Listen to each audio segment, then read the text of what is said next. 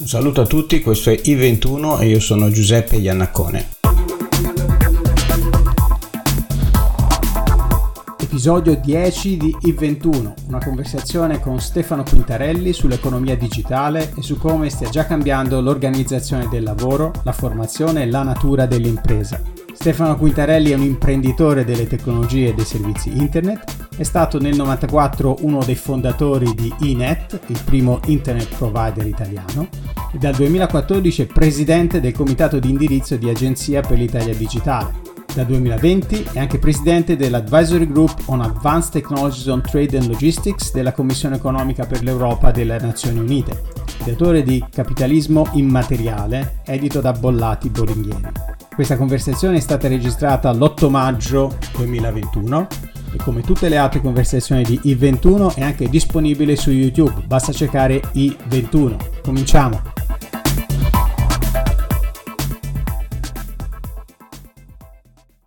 Bene, senti, io comincerei da qui. Eh, una, diciamo, nel, nel, libro tu prima illustri che cos'è questo capitalismo digitale e poi uno a uno vai a scavare e a cercare di dire, evidenziare quali sono i problemi che, che comporta, le questioni che pone, so, soprattutto nei confronti del conflitto che diciamo, naturalmente si crea rispetto alle forme e le strutture della società attuale basate sulla produzione di beni fisici in qualche modo. E, ecco, però la, la, prendo un pochino alla larga perché eh, anche in, in connessione al, al tuo alto impegno nelle, diciamo, in ambito governativo e, e, più recentemente con le Nazioni Unite. Nel senso che eh, in Europa abbiamo forti dibattiti eh, recentemente sulla, eh, sui rischi no? rappresentati dal, da, questi monopolisti e, dalla, eh, e dal loro possesso dei dati dei, dei, dei cittadini europei. No?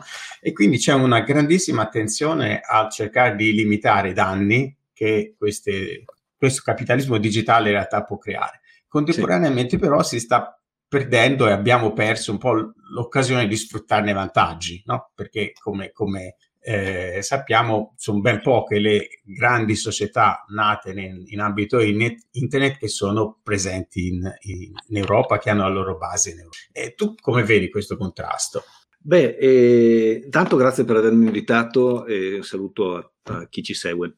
Ehm, allora, noi abbiamo pagato, noi, noi, intendo dire come Europa, abbiamo pagato inizialmente uno scotto nel fatto di non avere un grande mercato omogeneo, eh, cosa che ha consentito di alimentare eh, lo sviluppo delle prime grandi imprese di internet nel mondo. E, diciamo, Google, eccetera, sono solo sono solo diciamo, le cose più recenti, però in realtà andiamo più indietro, Apple, Microsoft e via dicendo, e, e sono partite in un contesto eh, loro che avevano un mercato enorme rispetto ai singoli mercati nazionali che avevamo noi. Quindi questo diventava un mercato finanziario e, e degli investimenti che è diventato ordini, molti ordini di, vari ordini di grandezza superiore a quello, a quello europeo. Solo di recente il numero di ordini di grandezza di differenza si sta cominciando a ridurre. Quindi diciamo loro sono partiti con un abbrivio molto più forte, hanno avuto anche una grandissima, grandissimi finanziamenti, cioè la politica industriale degli, Stati Uniti viene fatta in larga misura attraverso gli investimenti militari che comprano eh, e che finanziano le, le attività di ricerca e di commercializzazione, eccetera. Quindi cosa che noi mettendo a disposizione una quantità di risorse molto maggiore di quanto potremmo fare tutti insieme in Europa. Quindi eh, eh, diciamo siamo partiti obiettivamente dal punto di vista finanziario di mercato con una situazione di, di svantaggio. Eh, poi c'è stato un tema regolamentare.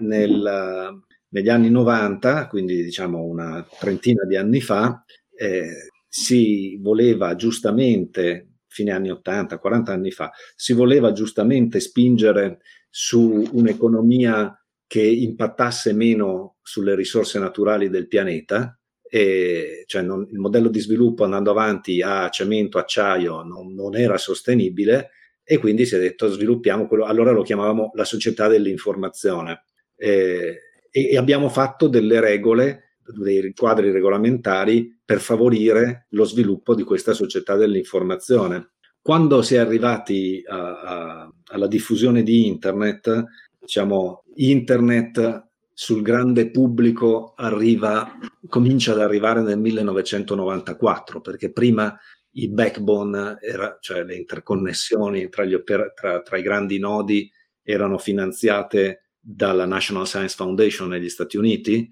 eh, diciamo un po' la sorta di CNR, di Consiglio della Ricerca Italiano, e vietavano il traffico commerciale. Per cui fino a quando, con, con, durante la, la, la, vicepresidenza di Al Gore, eh, fino a quando non fu costruita una rete alternativa che vi potesse veicolare traffico anche commerciale, di fatto era, era una cosa che era eh, solo per accademici. Quindi è stato quello l'inizio del momento. In quel momento quindi si, si affacciavano eh, operatori commerciali, non più centri di ricerca, università, eccetera, e in quel momento ci fu qualcuno che disse ma vogliamo fare delle regole di tutela del mercato. Furono fatte alcune regole per internet e fu deciso di non fare regole pro-competitive, eh, cioè a favore della concorrenza.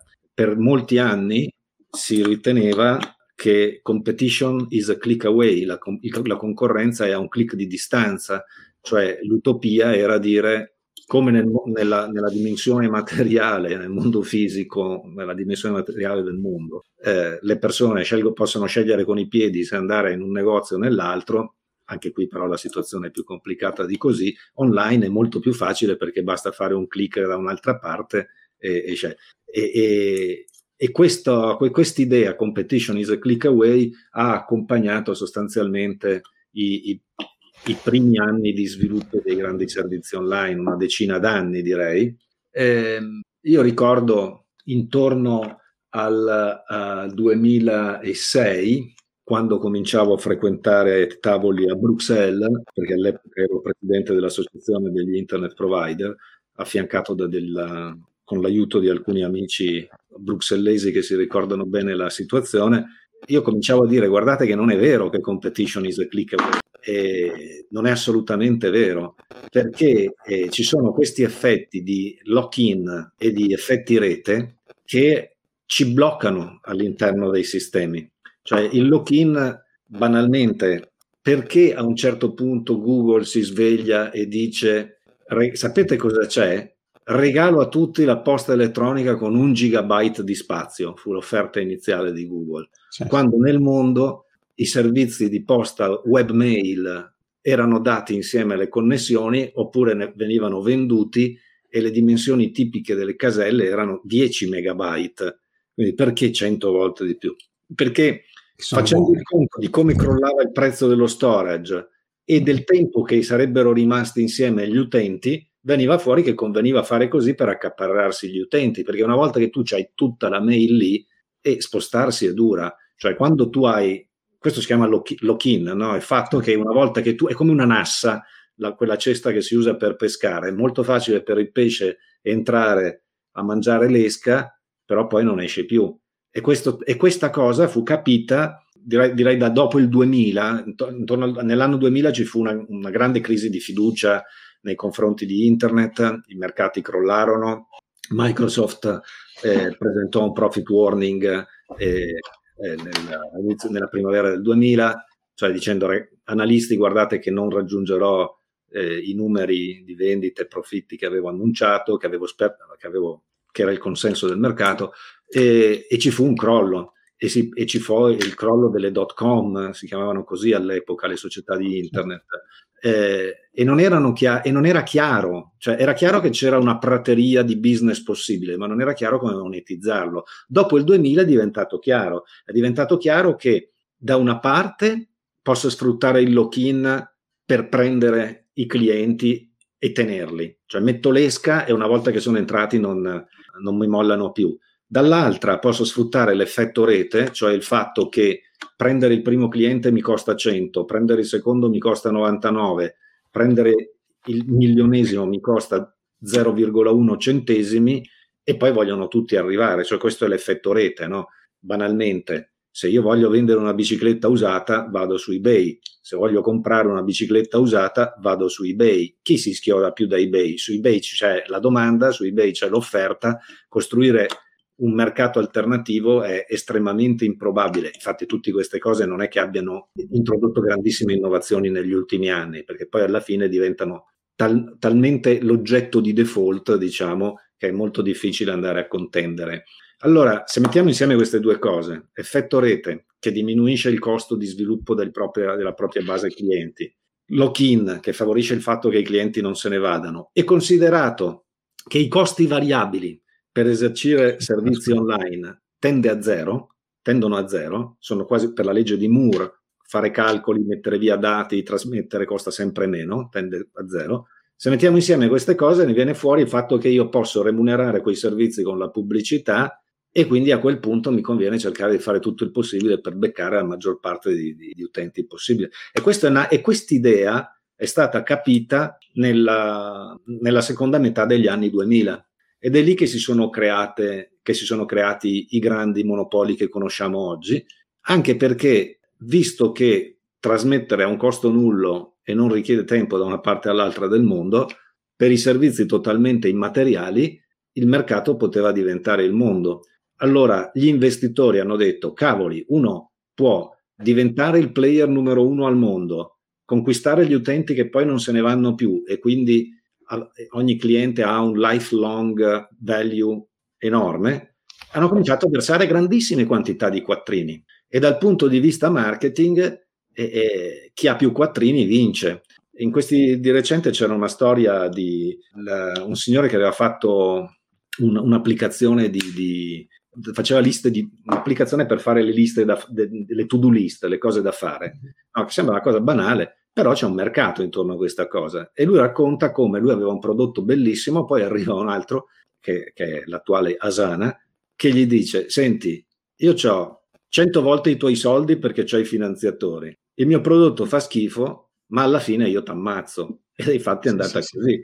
E infatti è andata così. Tutta questa cosa, tutta questa dinamica si è capita nella seconda metà degli anni 2000 e, e in quell'epoca lì ancora si diceva la competizione a un clic di distanza. Non è così.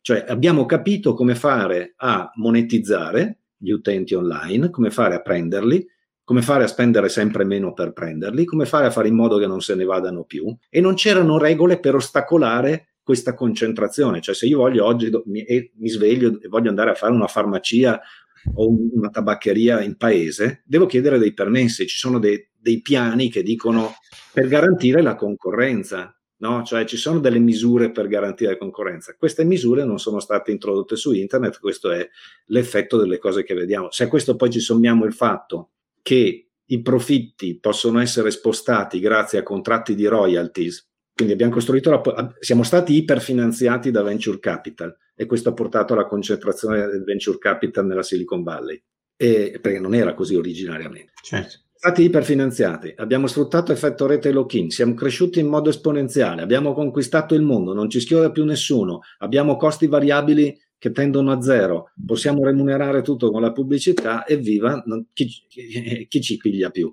A questo punto viene anche meno lo spirito, lo, lo, l'incentivo a competere contro di loro. Chi di noi si mette ecco. oggi a, a, competere? Insomma, è, è questa, tutta questa si legano tutte, no? È chiaro. E, aspetta, le, le, voglio riprendere alcune cose un, un pochino alla volta per, per um, espanderlo un attimo perché eh, effettivamente ripartendo dal discorso iniziale ci sono due aspetti. Diciamo, ovviamente c'è stato un po' di ritardo europeo nella cosa e in un mondo in cui l'effetto rete conta, il ritardo lo paghi tantissimo, giusto? Perché effettivamente... Effetto rete lock-in. Effetto rete lock-in, effetto rete lock-in conta, il ritardo lo paghi tantissimo perché una parte dei possibili diciamo, clienti ti sono già stati sottratti. In aggiunta a questo, c'è l'effetto della disponibilità di capitali, perché tu ti ricorderai meglio di me, ma lo riesco a ricordare anch'io, no? che a, a, un certo punto in Italia dei eh, fornitori di servizi basati su internet, diciamo simili, che in qualche modo localizzavano i, i,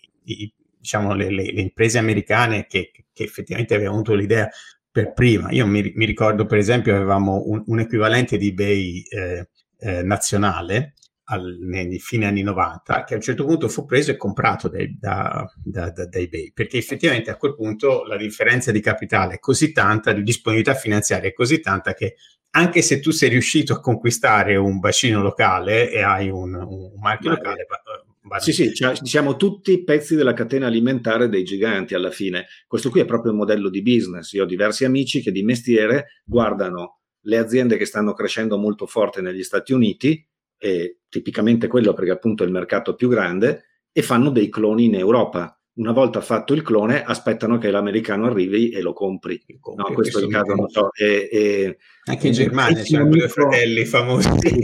certo, Rocket Internet. Rocket Internet è uno dei grandi player di Internet in Europa e campa facendo sta roba qui. Rocket Internet ha venduto in Italia Groupon, quello che oggi è Groupon Italia, che era un'azienda fatta da un mio amico con i soldi de, de, di Rocket Internet che poi ha venduto e loro l'hanno disegnata per venderla agli americani perché sai che prima o poi questi arrivano perché hanno più soldi.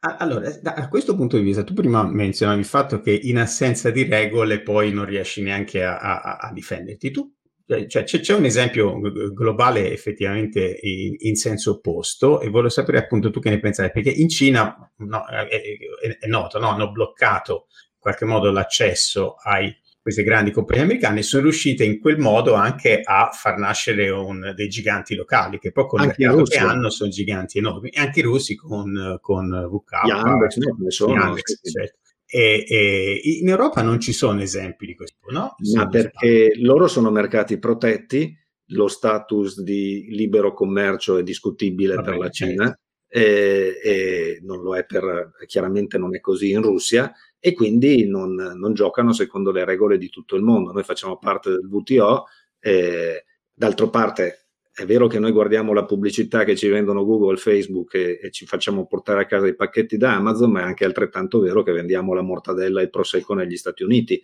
Quindi, cioè, sì, tutto, si deve, tutto, si deve, bilanciare. Eh, Quindi sì. eh, il, il protezionismo digitale funziona però attenzione perché il protezionismo digitale è sempre una faccia di una medaglia dove dall'altra parte ci sono dazi, cose, no? le sanzioni di Trump certo. contro, contro, la Cina, so, tutto molto complicato. No, questo, questo, questo, sì, no, però effettivamente rimane, rimane, rimane il punto che è, è difficile eh, a questo punto far crescere qualcosa di locale come, cioè, che abbia dimensioni comparabili. Ma diciamo, eh, il, il, il, tema della finanza è un tema assai rilevante no? e finalmente l'Europa se ne sta accorgendo. Poi è chiaro che sul mercato business to consumer, cioè quello degli utenti finali, ormai la posizione è inscalfibile, cioè le, le grandi società di, di, di, intermediazione dell'attenzione sono, sono americane. Però non buttiamoci giù, cioè l'Europa è pur sempre cioè non è che possiamo considerare l'Italia o il Lussemburgo, insomma, cioè no, l'Europa certo. è, è, pur sempre la zona paese, lo Stato, mi verrebbe da dire, l'Unione di Stati, il, eh, la, la, la, zona, l'Eurozona è la zona più prospera al mondo, più ricca, con in, la miglior qualità della vita, cioè non ci sono dubbi, quindi complessivamente il nostro modello funziona molto bene. E non è che vendiamo il, il, su, dal punto di vista della produzione di macchine, di beni per le imprese, di, cioè, cioè, abbiamo, abbiamo tantissimo da giocare, quindi nel B2B le cose non sono così, i giochi non sono così fatti, anche, ne, anche nella sfera digitale, nella dimensione immateriale, i giochi non sono fatti, anzi ce la stiamo giocando con, con buone, con, con, buone, eh, con buone chance.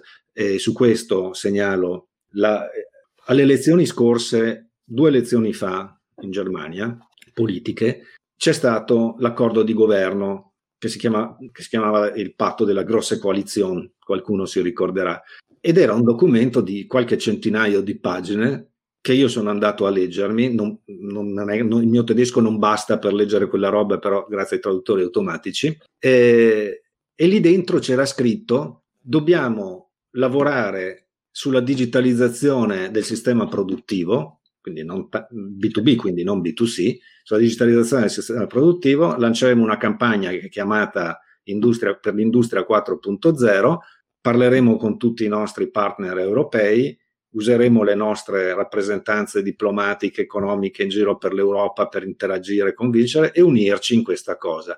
Sono stati loro a, a inventare l'idea eh. dell'industria 4.0 e a farci muovere. Altrettanto... Dieci anni fa, praticamente. Sì, e, e ha avuto un grande successo. Altrettanto, eh, adesso capire che l'effetto rete e il lock-in sono la base del valore di queste grandi aziende e delle posizioni inscalfibili di monopolio che si vengono a creare. Se vogliamo più concorrenza, e io ritengo che la concorrenza sia un bene, se vogliamo più concorrenza dobbiamo introdurre interoperabilità, cioè il fatto che due fornitori si parlino in modo che un cliente possa passare da un fornitore all'altro. Sono due cose che vanno insieme, portabilità e interoperabilità. E ci siamo inventati, i tedeschi, Gaia X, che hanno proposto inizialmente ai francesi, e Gaia X è l'idea di, di fare, di introdurre interoperabilità nei servizi cloud, che, che, vuol dire introdurre concorrenza e non determinare posizioni di monopolio. Quindi questa qui è una, è una cosa molto intelligente, di nuovo originata dai tedeschi. Eh, in Germania c'è un'agenzia che, che, noi non conosciamo generalmente, si chiama Sprind, eh, sprind.de, è, una, è la Bundesagentur für Sprunginnovation, l'agenzia federale tedesca per l'innovazione dirompente.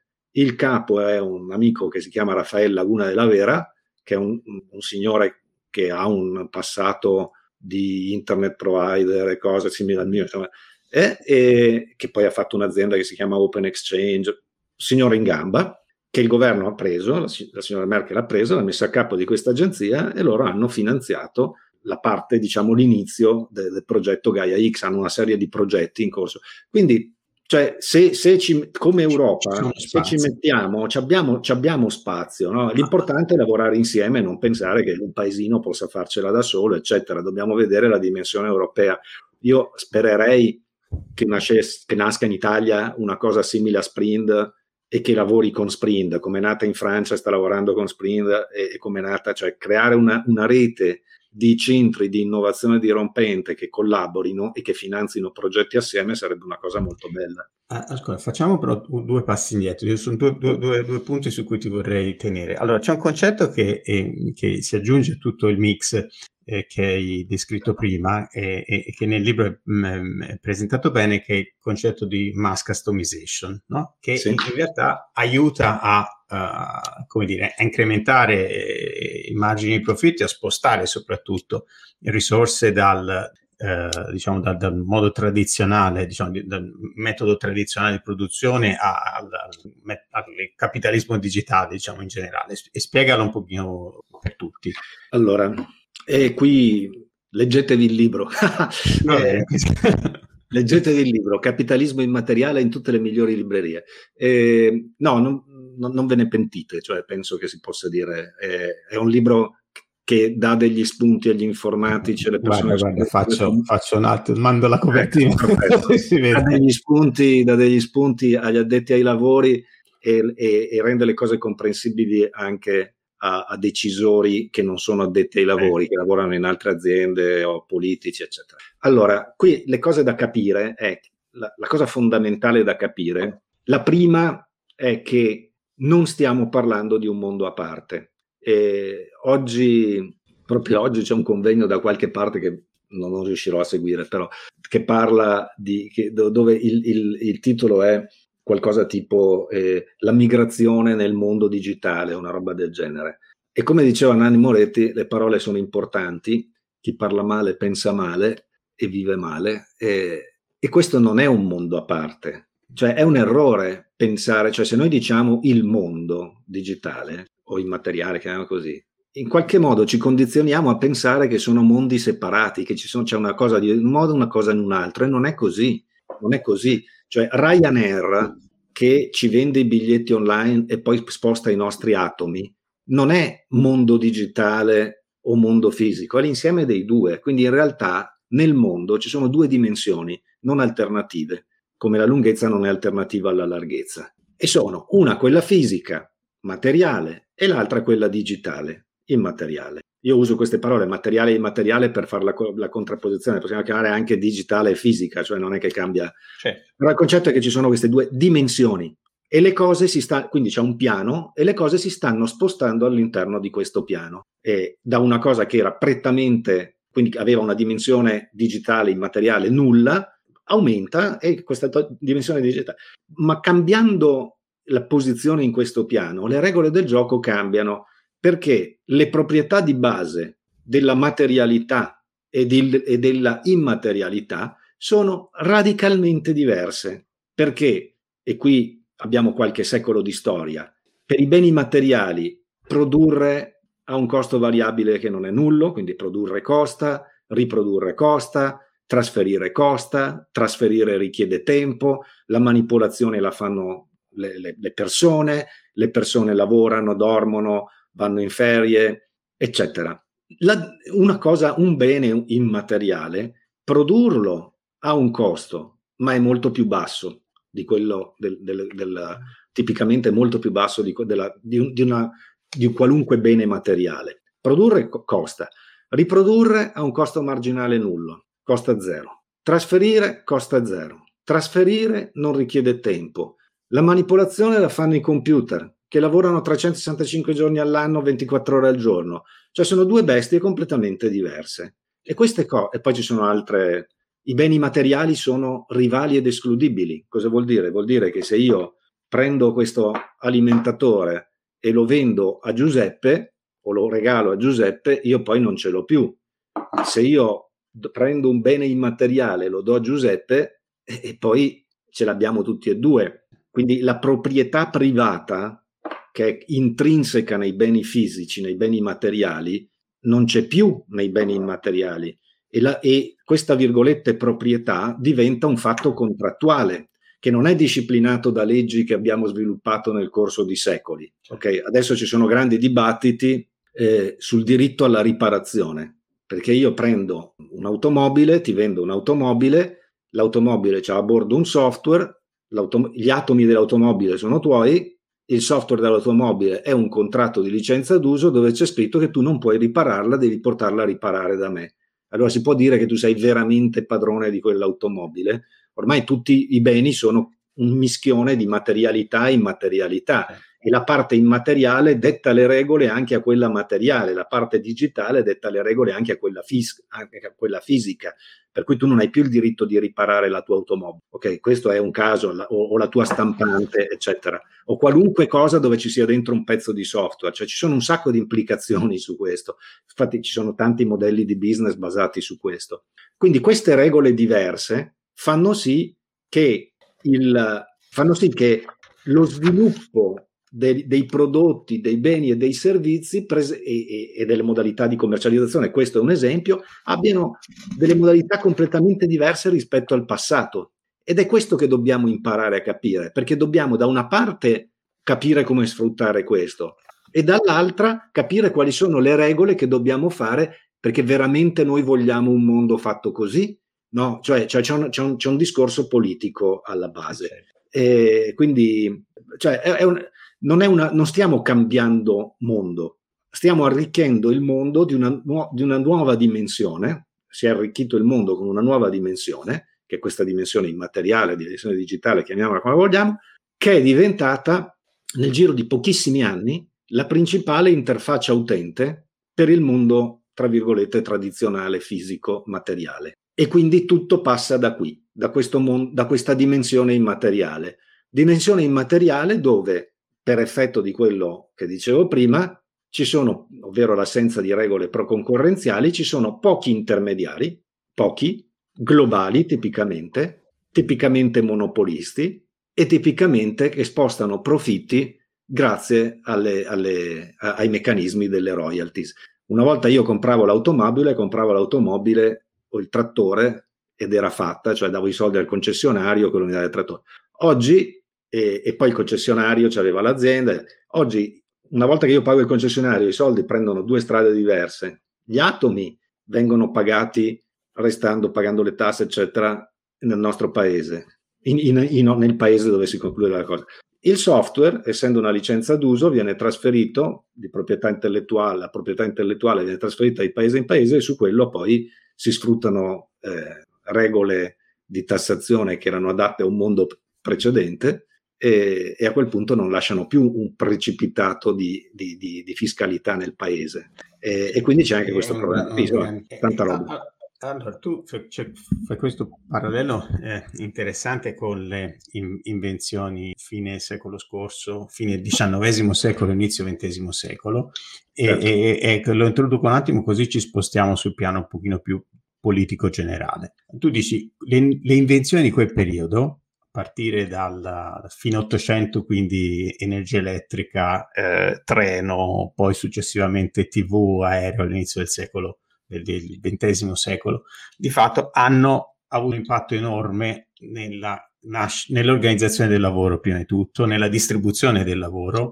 anche geografica, nella nascita di nuove istituzioni, nella nascita di, di, di un'organizzazione della formazione e dell'educazione delle Sì, sì, le, univers- beh, le università, esatto. diciamo l'istruzione professionale, beh, certo. il, i sindacati. Certo. Beh, ma anche le università sono diventate di massa dopo sì, questo periodo. Massa, sì. E poi l'altro aspetto è che hanno rappresentato chiaramente un miglioramento della qualità di vita generale della popolazione. Indubbiamente. Ora, se facciamo il confronto, diciamo, un secolo dopo, le, le invenzioni, l'innovazione tecnologica principale di fine, 2000, fine XX secolo, inizio XXI secolo, dove stiamo vivendo adesso, ecco, al momento presenta degli, degli attriti forti no? rispetto all'organizzazione che, che abbiamo basata diciamo sul, sul, secolo scorso per lo più e io, io se potessi dire che cosa già di, di, positivo ha già fatto emergere oggettivamente quello che noi spesso diciamo dell'emersione dalla povertà di miliardi di persone specialmente in Cina e in altri paesi forti, l'effetto positivo della globalizzazione dal punto di vista pratico è stato abilitato dal, dal, dal, in gran parte dalla, dalla comunicazione, da internet, non eccetera, che ha consentito di. Quindi quello è un effetto positivo. Chiaramente si è sentito di più in una parte del mondo che in un'altra, perché chiaramente in, in, in Europa si è sentito di meno. Però rimangono ehm, situazioni, diciamo, di eh, problemi aperti, forti, che dovranno poi eh, richiedere eh, appunto istituzioni modificate e organizzazioni nuove. Ma cerchiamo di vedere i problemi prima. Tu hai, hai citato alcuni di, di, di questi. No? Eh, c'è un problema eh, fiscale, chiaramente, perché la raccolta fiscale da parte degli, degli, degli stati è fortemente ridotta. Come dicevi tu, si, di fatto queste società riescono a spostare la, la tassazione in, in, zone dove effettivamente la tassazione o è sospesa no? per essere per, per, per, tempi migliori, diciamo come spesso hanno, hanno fatto anche i grandi di, di, di, internet, oppure è in qualche modo fortemente ridotta. E questo oggettivamente è un, è un problema. Poi c'è l'aspetto forte del della, eh, dell'aggregazione, no? del ruolo enorme che hanno questi aggregatori, sì, eh, che, eser- che, esercitano pressione in chi viene aggregato, in sostanza, in chi viene intermediato. Ecco, eh, spiegalo sì, per tutti, favore, questo concetto. Eh, mi sono accorto che non ho completato il, la, la questione della mass customization.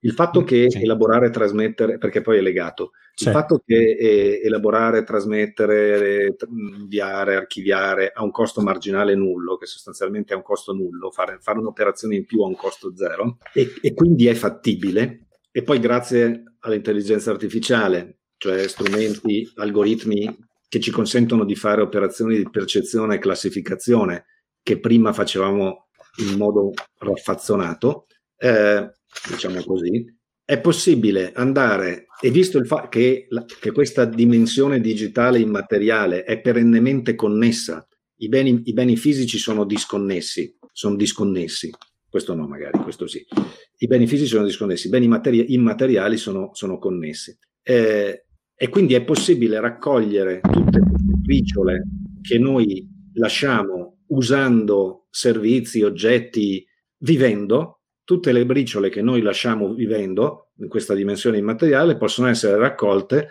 analizzate da un sistema di intelligenza artificiale e poi sulla base di questo ci può essere restituito un, un servizio, un bene, qualcosa, un'informazione che dipende specificatamente dal nostro profilo. Questa parte qui, che è una piccola parte del tutto in realtà, è quello che la Zuboff chiama il capitalismo di sorveglianza, della sorveglianza, cioè il fatto che veniamo, virgolette, sorvegliati e sulla base di questa sorveglianza poi abbia, abbiamo prodotti, beni, servizi, eccetera. Questo ha delle grandissime implicazioni. Eh, io sono nato a Negrar, provincia di Verona, a Negrar c'è il mercato cerasicolo. Tu vai lì quando ci sono le ciliegie e ci sono tutti i vari eh, commercianti di ciliegie, intermediari di ciliegie, che hanno i vari plateau con i vari tipi di ciliegie con il prezzo delle ciliegie. Il prezzo è lì.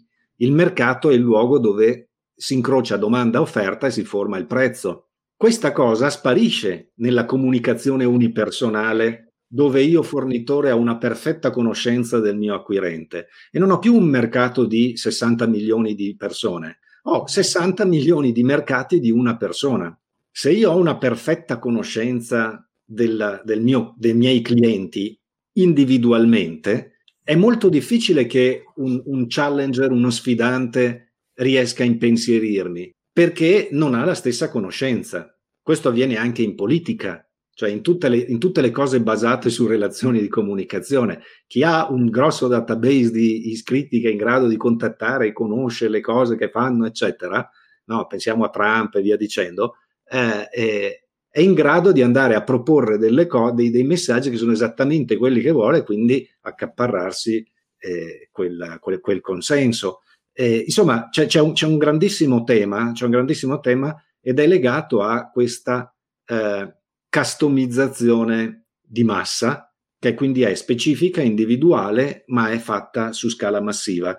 Perché una volta che noi prendiamo un'attività fatta nella dimensione materiale, nel mondo fisico, e lo portiamo all'interno della dimensione immateriale, un'attività di una porzione di un lavoro, qualcosa, quella la possiamo, grazie al fatto che i computer sono veloci e, e non dormono mai e che costa sostanzialmente nulla, quell'attività può scalare come velocità e quantità a livelli inimmaginabili. Allora pensiamo ad esempio alle fotosegnaletiche della, della polizia. Una volta che erano fisiche, non è che gli umani potevano sfogliare un milione di queste, per cui erano 50.000 i tesserini dei fotosegnalati.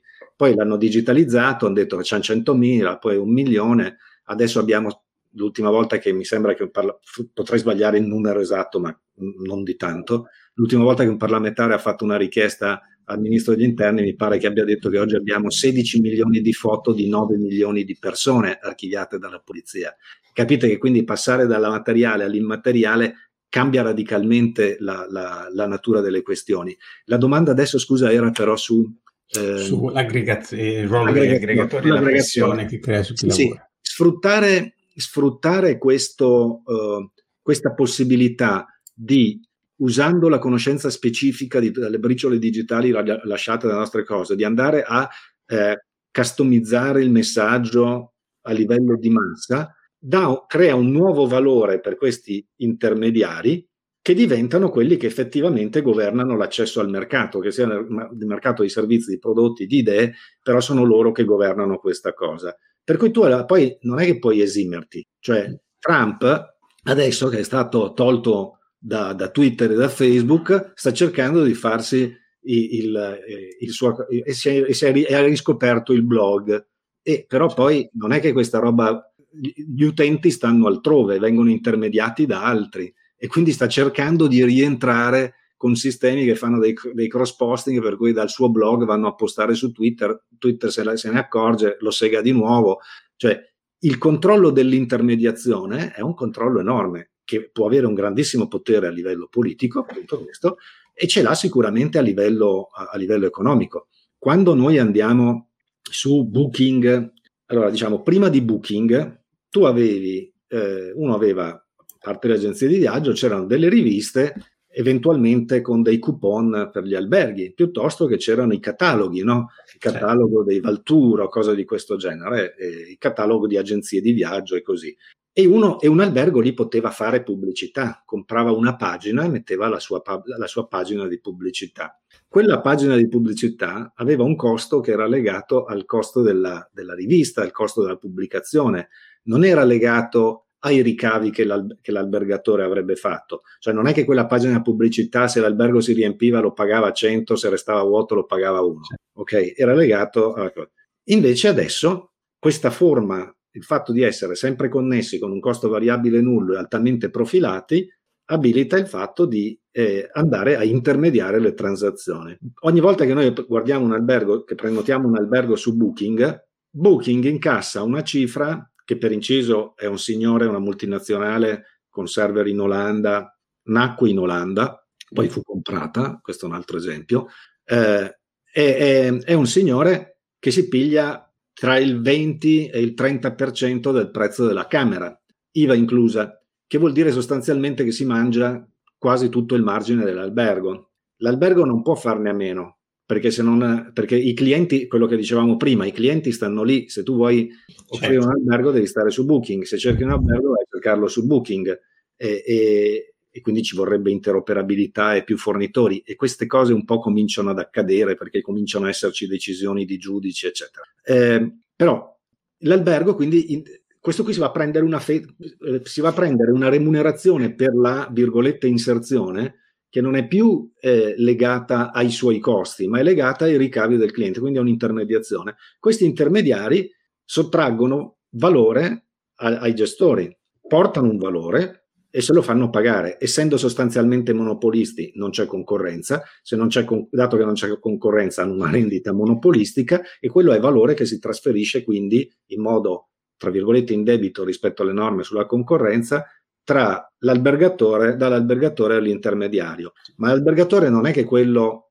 uh, che, che quello il capitalista albergatore, non è che quel valore si ferma lì, perché quel, lui dovrà cercare di recuperare margini e allora scarica questa pressione anche sui lavoratori, che quindi aumenta la precarietà, oltre a ridurre manutenzioni, eccetera, aumenta la precarietà, uh, usa lavoratori pagati peggio e via dicendo. Per cui alla fine quello che noi vediamo è che rispetto alle categorie tradizionali portate dalla rivoluzione industriale, cap- capitale e lavoro, e il conflitto tra capitale e lavoro, adesso c'è una categoria in più dal mio punto di vista, che è l'informazione.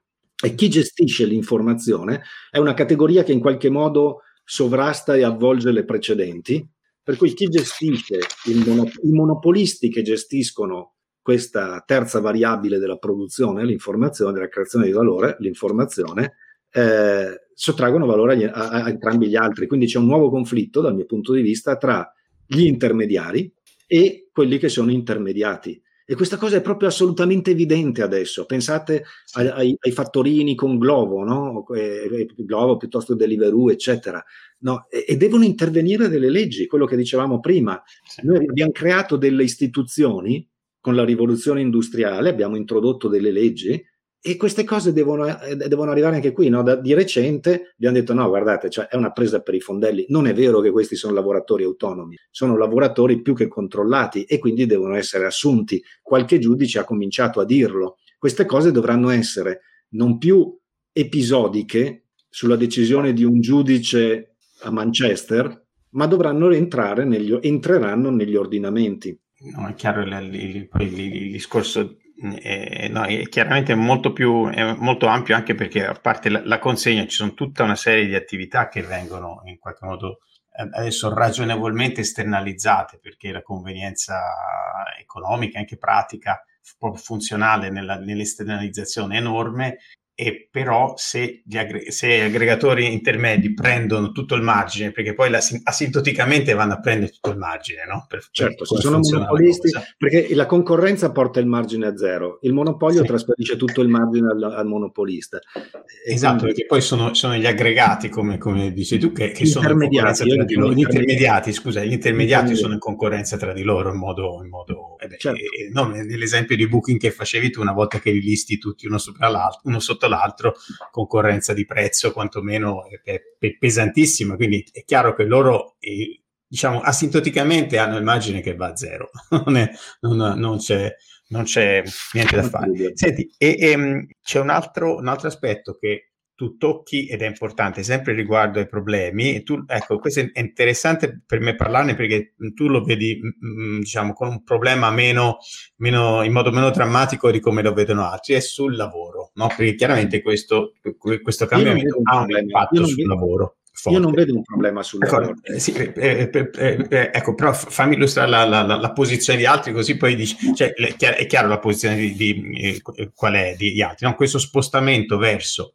servizi forniti in modo automatico che usano sempre più i calcolatori fa sì che alcuni lavori più eh, ripetitivi, ma non soltanto, ma anche lavori diciamo, che siamo abili- abituati a considerare diciamo, di buon livello intellettuale, vengano in qualche modo automatizzati con una perdita netta di, di posti di lavoro, perché tutti riconoscono che nuovi lavori verranno creati, ma effettivamente il bilancio eh, complessivamente sia negativo. Ecco, tu nel, nel libro rispetto a questa posizione eh, sei critico, insomma, tu la, la, la vedi diversamente. Assolutamente. Sì. Assolutamente sì, no, nel senso, vabbè, i dati dei, dei grandi pa- i, i, paesi dove c'è ma- maggiore eh, automazione sono, uh, sono, quelli dove l'occupazione è, ripre- è, è migliore, no? anche dopo la crisi è ripresa mi- uh, più, più, velocemente. Sì. Quindi succede, Qui il, il problema dal mio, quindi diciamo i dati sono, eh, continuano a uscire studi che dimostrano che d'altronde noi non è che aumentiamo l'occupazione, l'occupazione va di pari passo con la produttività. Meno produttività hai, meno occupazione, meno occupazione avrai, perché poi hai occupazione di minor qualità che si può permettere minori eh, servizi voluttuari anche, no? Quindi eh, diciamo, c'è un libro di Moretti su queste cose, eh, ma, ma, prima ancora eh, c'è una, una, da qualche parte Piero Angela aveva scritto dicendo che è come un treno, se la locomotiva tira ci sono anche tutti gli altri vagoni che vanno. E un paese con più ingegneri, industriali, gente che produce valore, è un paese con, con più filosofi, attori, cantanti, eccetera. Perché se la locomotiva tira, tirano tutti. Quindi c'è un tema di produttività. Infatti, un grande problema dell'Italia è che la produttività è fi- ferma, se non in calo, da, negli ultimi 30 anni, con un residuo di solo negativo. E, ehm, poi è certo che il tipo di occupazione è diversa e qui dobbiamo, uh, dobbiamo avere nuove istituzioni dobbiamo, eh, cioè, noi abbiamo una parcellizzazione del tempo, vai alle elementari, vai alle medie, vai all'università, chi ci va, lavori, vai in pensione. Sta roba qui eh, non, non sarà più così, non sarà più così, nel senso che le persone dovranno continuare a studiare tutta la vita, che non vuol dire magari fare l'esame, però imparare tutta la vita sicuramente sì. L'università di massa, ricordavi tu prima, adesso c'è il tema dell'istruzione, del lifelong learning, no? dell'istruzione, dell'apprendimento durante tutta la vita. Questa sarà un'istituzione che in qualche modo ci dobbiamo inventare qualche forma di questo, perché questa è quella cosa che ci consente di mantenere la produttività alta, mantenendo la produttività alta usando le macchine, eh, riusciamo poi ad avere anche attori, cantanti, eccetera. E attenzione, la produttività alta, cioè il, l'obiettivo della produttività alta è quello che determina la crescita dell'occupazione. Perché se noi guardassimo solo l'occupazione senza produttività, useremo i cucchiai per fare le strade invece delle ruspe. Però è evidente che tutto il sistema viene giù, no? Cioè, estremizzando si capisce forse un po' meglio. Se noi usassimo i cucchiai per fare le strade, crolla tutto il sistema, arriviamo a una produttività talmente bassa, i nostri costi vanno alle stelle, perdiamo di competitività e buona, buonanotte suonatori, i nostri prodotti non trovano più mercato, disoccupazione generale, eccetera. Abbiamo bisogno de, della produttività, quindi abbiamo bisogno di continuare a studiare.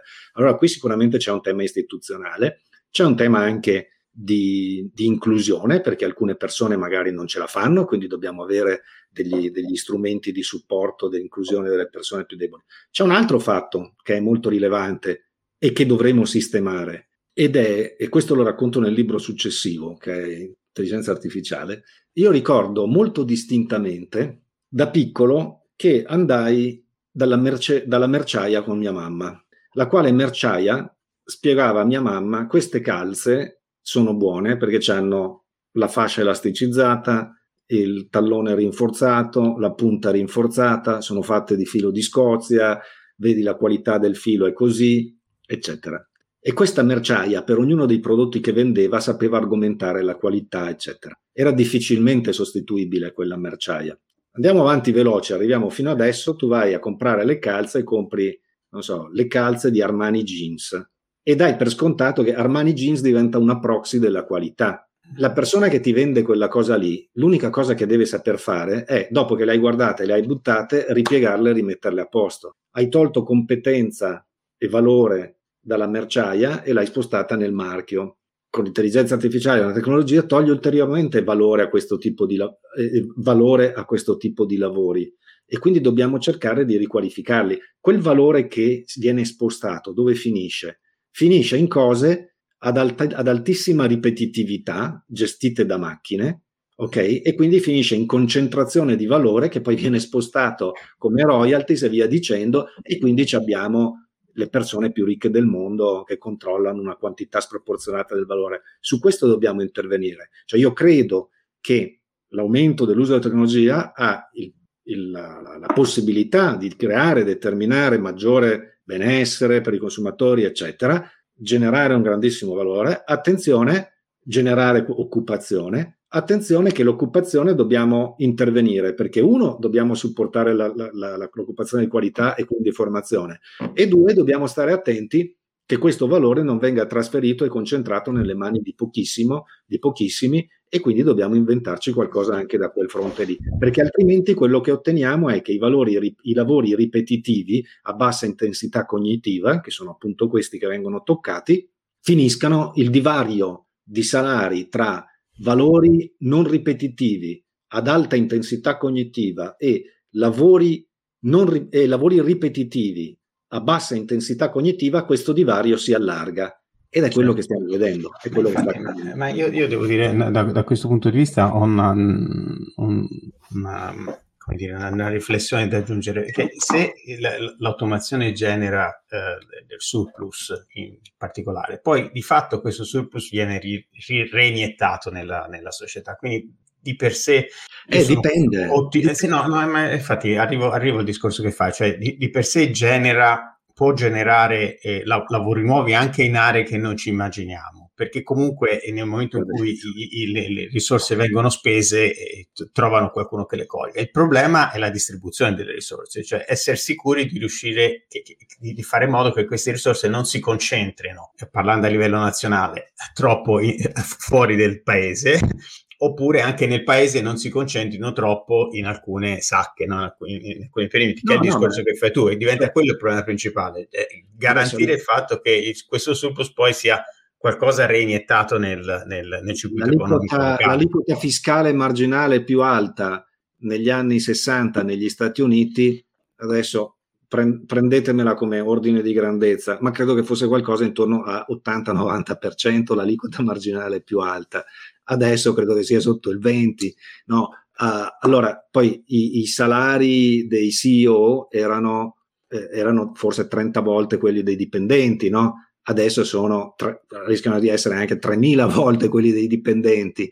Quindi è chiaro che c'è una concentrazione ed è chiaro che l'automazione, la digitalizzazione sta, sta alimentando questa cosa. Lì dobbiamo essere creativi, che non può essere limitato a dire ti tasso, no? Cioè, bisogna, sicuramente se introduciamo concorrenza stiamo già facendo qualcosa, perché la concorrenza genera extra profitti, cioè la, la, la, il monopolio genera extra profitti. Quindi sì. sicuramente introdurre concorrenza già è, è, un primo passo. Poi dobbiamo avere istruzione per le persone, quindi renderle più qualificate e, e poi dobbiamo inventarci delle cose. Insomma. Però io non sono negativo, nel senso che non è che la tecnologia ammazza, la tecnologia offre un sacco di opportunità in più. Pensa a, a, a, a tutto il mondo delle nanotecnologie, eh, c'è, un, c'è uno spazio infinito nell'infinitamente piccolo. Cioè, noi se prima creavamo valore costruendo grattacieli, facendo strade, ponti, eccetera, e ciò andava bene, adesso creiamo valore mettendo in fila elettroni e, e, e facendo cose microscopiche vi- e, e, creiamo valori immensi. Quindi dal punto di vista de, del, del, futuro dell'umanità, della sostenibilità, eccetera, è, è, è fantastica come opportunità. E dobbiamo correggere questa piccola stortura, che ogni, ogni rivoluzione però se l'è portata, perché la rivoluzione industriale si è portata dietro i cosiddetti robber barons, che erano sostanzialmente chi controllava l'acciaio e il petrolio era, controllava la società. E l'antitrust è nata per ridurre il potere politico di queste persone, perché fu detto non è possibile che poche persone, non importa quanto siano probe o che siano social minded, che pensino alla società, eccetera, questo non importa. Non è possibile che poche persone non elette abbiano un potere così alto che dovrebbe essere concentrato nelle mani dei rappresentanti dei popoli eletti, eletti dal popolo. Quindi c'è un tema di democrazia di fondo e hanno detto come correggiamo questa cosa con l'antitrust, una legge che prima non c'era e che poi è arrivata diceva sai che c'è, io determino, e questa è un'istituzione che ci siamo inventati, no? Certo. Io determino che tu questa roba non la puoi vendere, oppure la devi vendere a questo prezzo massimo, oppure la devi vendere a tutti e non solo a questi qui, oppure la devi comprare da Tizio Caio, eccetera.